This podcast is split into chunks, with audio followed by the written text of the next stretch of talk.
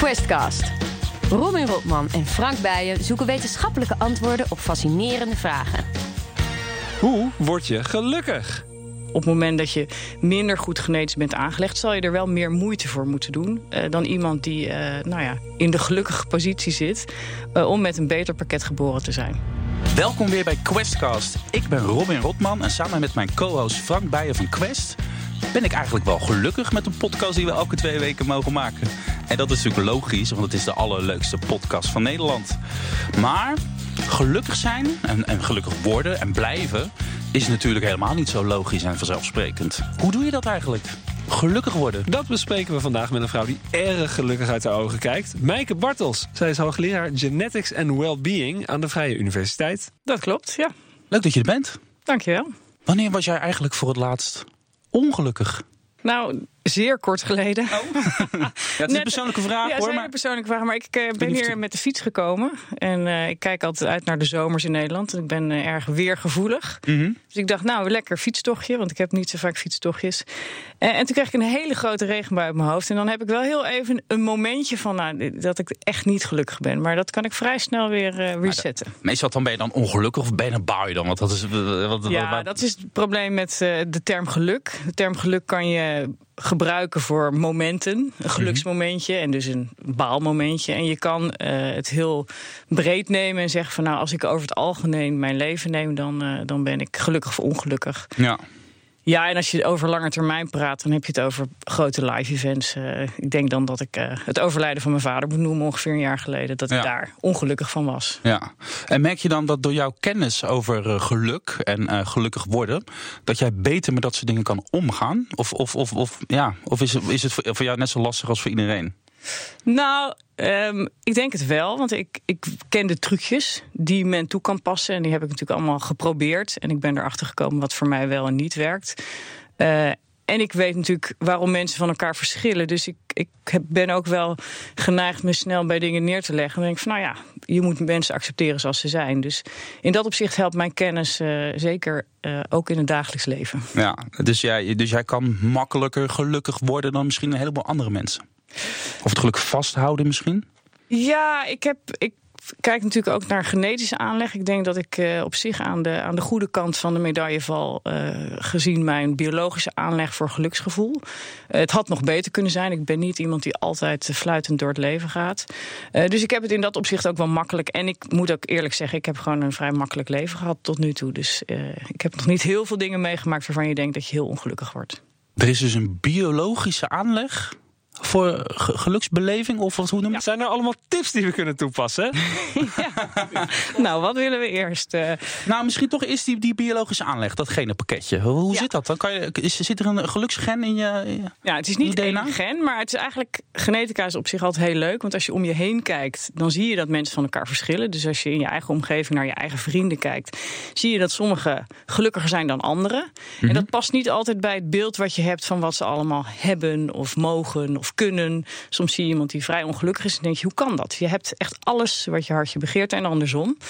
En voor heel veel uh, menselijke eigenschappen spelen genen ook een rol. Dus inderdaad, er zijn varianten op je DNA die verschillen in geluk tussen mensen kunnen verklaren. Maar suggereert dat ook een beetje dat, je, dat de mate waarin jij geluk kan bereiken, uh, dat dat ook afhangt van je DNA? Dus dat voor sommige mensen het geluk misschien niet eens is weggelegd? Is dat ook een soort sombere conclusie die je zou moeten kunnen trekken? Nou, het is wel zo dat de een uh, op een makkelijker pad zit dan de ander door zijn genetische aanleg. Maar als iets genetisch bepaald is, wil niet zeggen dat je het niet kan veranderen.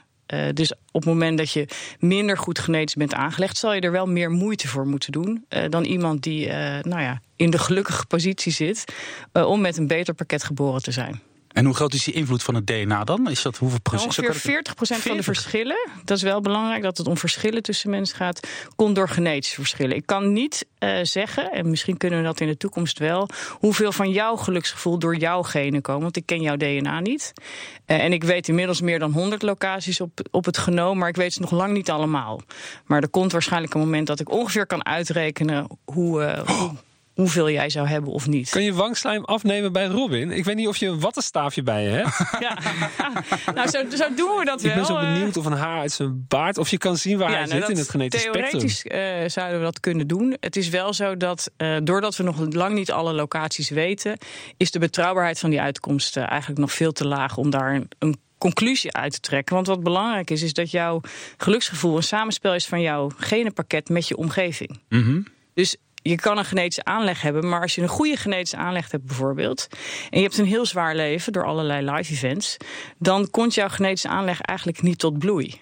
Andersom kan het ook zijn. Als jij niet zo'n goede genetische aanleg hebt, maar het zit je gewoon wel mee, dan kan het best zo zijn dat je je best gelukkig voelt. Dus de, de uitkomst, hoe jij je werkelijk voelt, is echt een samenspel van je genetische aanleg en de omgevingsinvloeden. En is het, van, is het eh, belangrijk om te weten hoe je genetisch in elkaar steekt eh, als het gaat over je geluk? Ik bedoel, zou er een toekomst denkbaar zijn waarin we eh, een keertje onze ge- genen laten checken, zodat je het weet? En wat, wat kan je daar dan mee? Nou, ik, ik denk zelf altijd.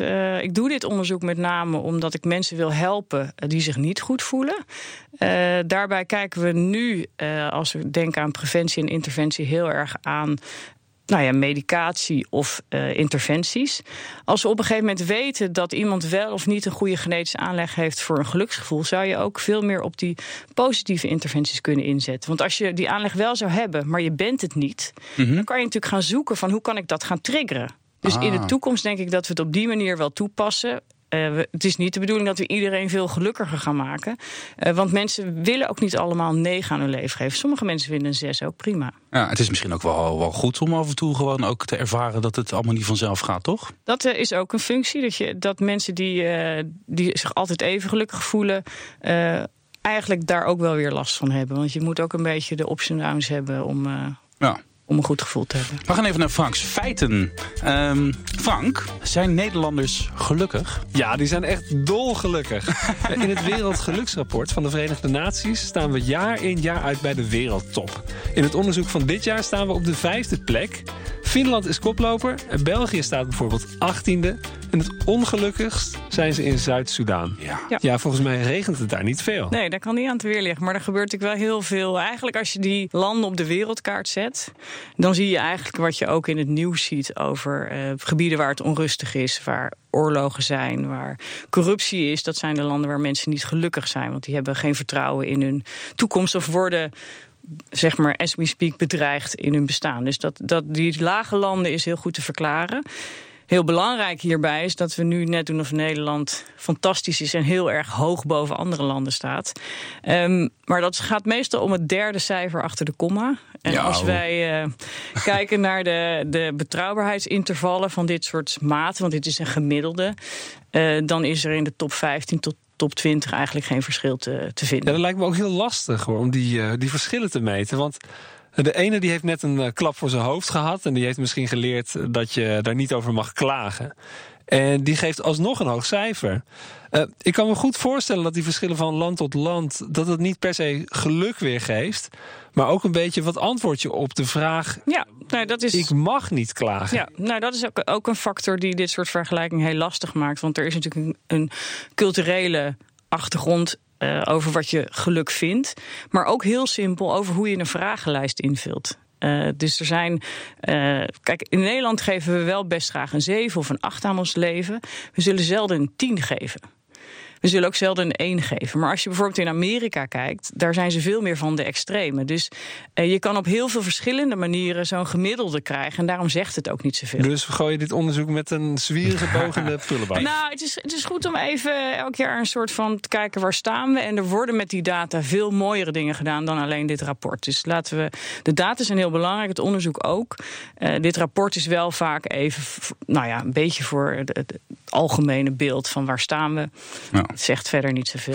Hey, en Frank, ik, ik kan me voorstellen, als je, als je gelukkig bent, dan lach je veel. Maar als je veel glimlacht, word je daar dan blij van? Ja, we hebben jarenlang gedacht van wel. Als je een pen beetpakt met je tanden, dan gebruik je dezelfde spieren als bij glimlachen. In 1988 was er een beroemd psychologisch experiment van de Universiteit Mannheim. Ze lieten proefpersonen naar cartoons kijken. Als je een pen in je mond had, vonden je de cartoons leuker. Het leek erop dat je met je eigen glimlachspieren je gelukkig kon maken. Die studie is later een aantal keer nagedaan en sinds drie jaar weten we echt dat het onzin is. Dus haal die pen maar uit je mond, Robin. Ja, er zijn dagen dat ik geen pen tussen mijn tandjes heb. Ehm, sommige mensen hebben een relatie harder nodig om gelukkig te worden dan anderen. Hè? Ja. Hoe komt dat?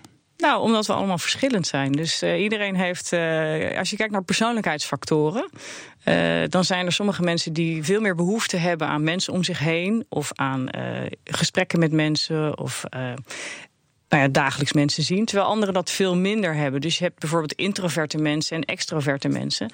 Nou, extroverte mensen komen graag in ruimte waar veel mensen zijn. Dus die gaan naar de bioscoop, die gaan naar de kroeg, die gaan wherever ze mensen tegenkomen. En die vinden dat gezellig en die praten met Jan en Anneman. Introverte mensen moeten daar werkelijk niet aan denken. Dus je moet bij dat, met dat soort dingen heel erg rekening houden. Als je gaat zeggen van nou, daar word je gelukkig van.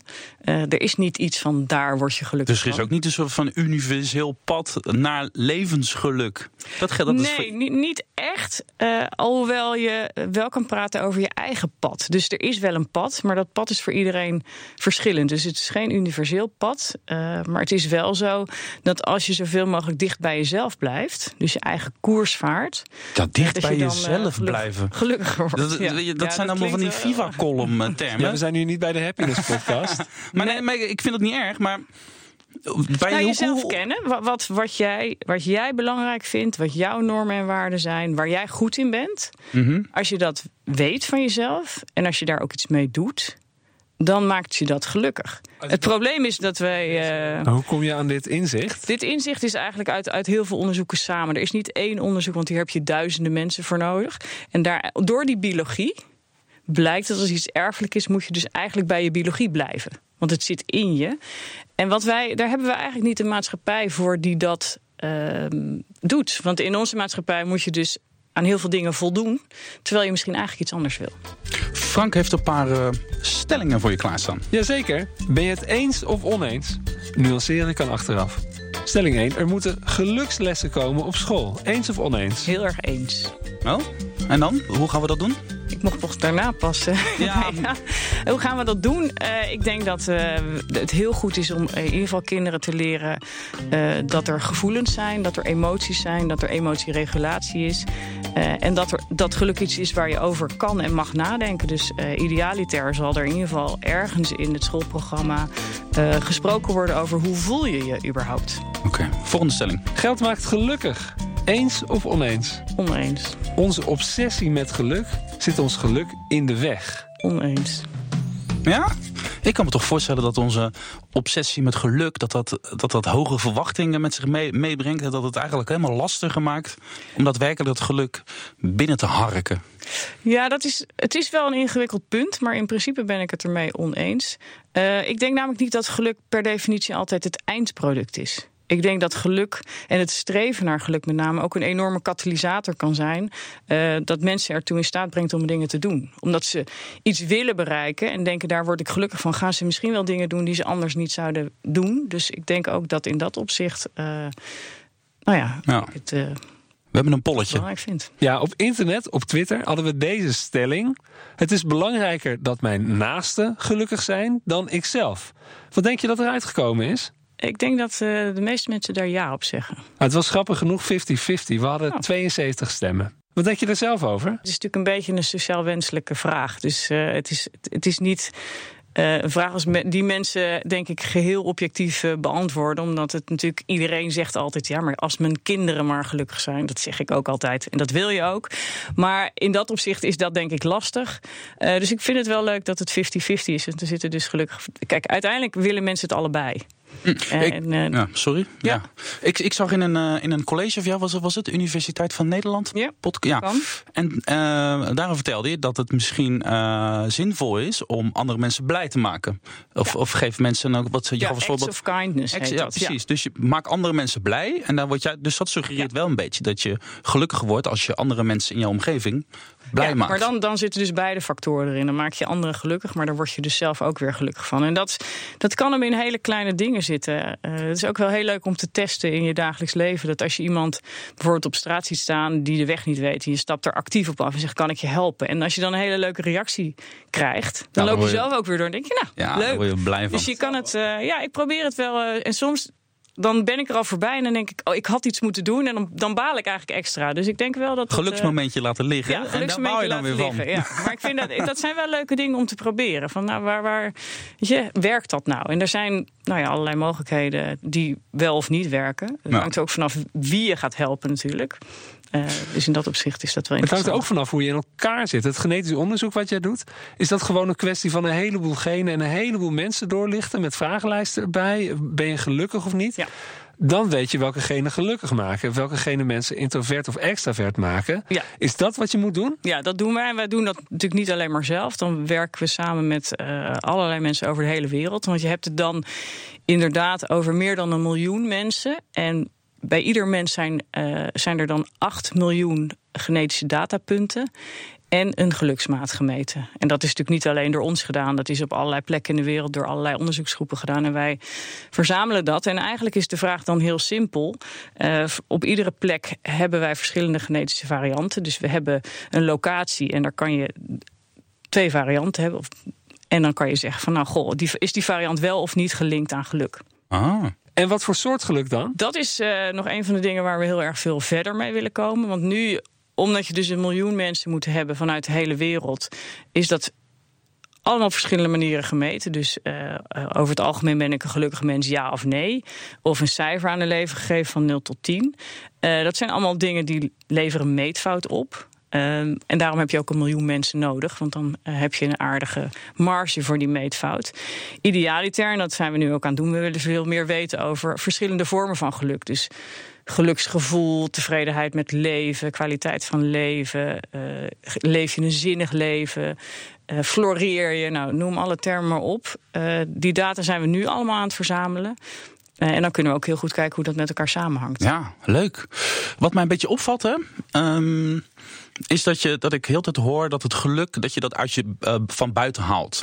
Je moet weten wat je wilt. Dus je moet, eh, je moet jezelf kennen. En dan weet je eh, wat voor soort hobby's, wat voor soort werk, wat voor soort relatie je zoekt. En dat kan je gaan nastreven. En dan, dan word je daar gelukkig van. Hè, als je jezelf kent en je weet wat je wilt. Nu zie je in veel spirituelere tradities dat ze zeggen van ja, nee, het geluk zit in jezelf. Het probleem is alleen dat we het buiten onszelf zoeken. Dat we de illusie hebben dat we het buiten onszelf. En dat zorgt voor een soort versluiering, waardoor je dus heel de tijd eh, alle, van allerlei dingen gaat nastreven. En allerlei problemen inbouwt, want de werkelijkheid is gewoon niet plooibaar. Dus je loopt constant tegen, alle, tegen je eigen voorwaarden aan, die niet, niet, die, waar niet aan wordt voldaan.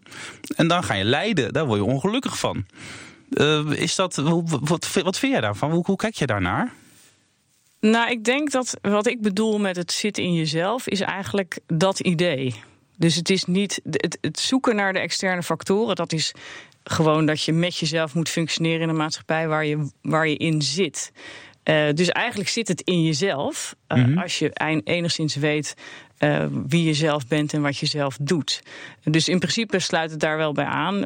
Wat ik wel altijd een beetje zie als vervolgstap in deze spirituele wereld, is dat dan er collectief wordt gezegd: je moet mindfulness doen of yoga. Ja. En daar zitten natuurlijk ook weer dezelfde verschillen tussen mensen in. Voor sommige mensen werkt dat enorm goed, voor andere mensen helemaal niet. Want dan, en dan gaat het je weer frustreren, omdat je dan op die mat ligt. Precies. En je denkt de hele tijd, wa- waar blijft het Ja. nou? Ja, en wat natuurlijk heel ingewikkeld is in, met tussen het zit bij jezelf of, of niet, is dat we natuurlijk in een maatschappij zitten waarin je best wel in vaste eh, situaties zit. Neem de kinderen in Nederland, die gaan naar school en het staat redelijk vast wat ze daar gaan doen. Dus daar is weinig ruimte, dat proberen scholen natuurlijk wel een beetje, maar tot uiting van wat je zelf leuk vindt en wat je zelf kan.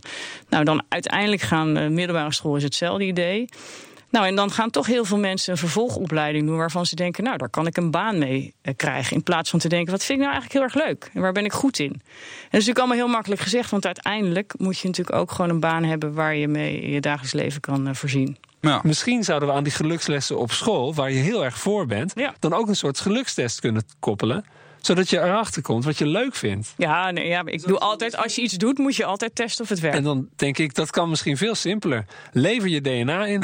En dan zien we bijvoorbeeld, Meike, dat je gelukkig wordt van ja, werken met mensen. Nee, ja, nee ik, ik denk, eh, kijk, we praten natuurlijk over iets heel complex. Dus het, het feit dat wij nu in relatief korte tijd al 100 plekken op het DNA hebben gevonden, eh, geeft een indicatie dat het er misschien wel 500.000, 2000 zijn. Dus het fenomeen is zo complex dat het waarschijnlijk niet met één zo'n testje kan. Misschien ooit in de verre toekomst in combinatie je DNA en een vragenlijst en een interview. Dat is natuurlijk allemaal weer heel veel werk, maar dan kan je het wel als, als zeg maar toegevoegde waarde zien. En als je het over genen hebt, Ja. zou het zin hebben als je op een dag de meest invloedrijke genen kan aanwijzen en dat je die dan kan manipuleren? Nee, dat gaat eh, niet werken voor geluk om, om zeg maar aan te geven. Die varianten die we nu gevonden hebben, die verklaren minder dan 1% van de verschillen tussen mensen. Dus het zijn echt heel veel plekjes met een heel klein effectje. Ehm, dus we zullen niet in de designer baby-achtige sfeer eh, kunnen komen. Gelukkige mensen brouwen. Ja, en het moeilijke is, de, de, die genetische varianten die wij vinden voor geluk, worden ook heel vaak gevonden voor andere dingen. Eh, en dat, nou ja, het laatste nieuws van de designer babyontwikkelaar is ook dat eigenlijk wat hij had gedaan. Eh, eigenlijk ook een heel negatief invloed had gehad op, eh, op kinderen. Dus Ja. in principe eh, zijn er genetische varianten zijn niet zo specifiek dat je zegt: ik verander die of niet. Oké, Maaike, dan toch help ons een beetje en de luisteraars. Eh, tot slot, Ja. misschien één of twee concrete tips in ons dagelijks leven. Hoe worden we gelukkig? Help ons een beetje. Je hebt al een aantal beetje. dingen genoemd. Hè? Je, moet, kan, je kan misschien cadeautjes geven aan mensen en, en zo. eh, Ja. En je kan ook eh jullie zelf leren kennen. dus dat is concreet. Maar heb, je, Ja. heb, je, heb je nog wat? eh, hou vast. Nou, je, je- de, de, de eentje die toch voor, voor meer mensen werkt, is Count Your Blessings. Dus dat is gewoon jezelf de tijd en de ruimte geven om ook echt af en toe te bedenken wat er wel goed gaat in je leven. Dat zijn ook hele leuke dingen die je ook weer met kinderen kan doen. Eh, eh, S S'avonds bij het eten zou je op school ook kunnen doen. Wat gaat er nou wel goed? Want wij zijn zo geneigd om ons te, te focussen op. Nou, het was, het was een rotdag. En als je dan terugkijkt, nou, dan had je misschien één vervelend gesprek. Terwijl de rest eigenlijk heel leuk was. En dat is iets wat je jezelf echt wel een beetje kan aanleren. Net als practicing optimism. Dus jezelf aanleren om iets optimistischer te kijken. Dat zijn dingen die je kan proberen. Voor de een werkt het wel en voor de ander werkt het niet. Dus dat is wel altijd een belangrijke toevoeging. Eh, maar dat zijn wel twee dingen waarvan ik altijd zeg: probeer het. Want het, nou ja, het kost niks. En wie weet werkt het voor je. Het is tijd voor de, onze ogenschijnlijk nutteloze rubriek. Maar Nutteloze kennis bestaat niet. Wat je nu hoort is het Doppler-effect. Dat ken je waarschijnlijk wel. Eh, Als licht, maar ook geluid uit een bewegende bron komt, dan verschuift de frequentie. Dat is in de 19e eeuw bedacht door de Oostenrijker Christian Doppler. De Nederlandse wetenschapper Christophorus Buys-Ballot die zei eerst zien en dan geloven. Maar er waren nog geen apparaten om toonhoogte te meten. Buys-Ballot die organiseerde een experiment langs het spoor tussen Utrecht en Maarsen met een, met een hoornspeler en met wat mensen met een absoluut gehoor. De hoornist blies een G-toon afwisselend in de trein en op het perron. En de toehoorders die moesten de toonsverschillen inschatten. Buisbelot die sloeg aan het rekenen en die kwam met een keurige formule. En zo bewees hij dat het Doppler-effect bestaat. ik denk dat uh, Buis Ballot daar best gelukkig van is geworden. Ik denk het wel. Wordt ook nog veel gebruikt. Maaike Bartels, dankjewel voor deze inzicht in geluk. Ik raad iedereen aan om deze podcast eh, te luisteren en te herluisteren als ze even in de put zitten. Want daar hebben ze misschien wat aan. Uh, dankjewel, hoogleraar Gen- Genetics and Wellbeing aan de Vrije Universiteit in Amsterdam. Um, als je dit nou een leuke aflevering vond, uh, blijf hem dan herluisteren. Luister ook de andere afleveringen terug. Zijn we alleen in het heelal? Is een vraag die we hebben beantwoord. Worden we steeds hufteriger? Wordt kanker een geneeslijke ziekte? En moeten dikke mensen naar de psycholoog in plaats van naar de Allemaal leuke afleveringen waar we allemaal leuke antwoorden op hebben gevonden. Dus uh, luisteren, zegt het voort. En als je dan toch bezig bent, laat een review achter op iTunes. Daar hebben wij wat aan. En uh, luister via Spotify, iTunes, bnr.nl, quest.nl. En tot de volgende keer.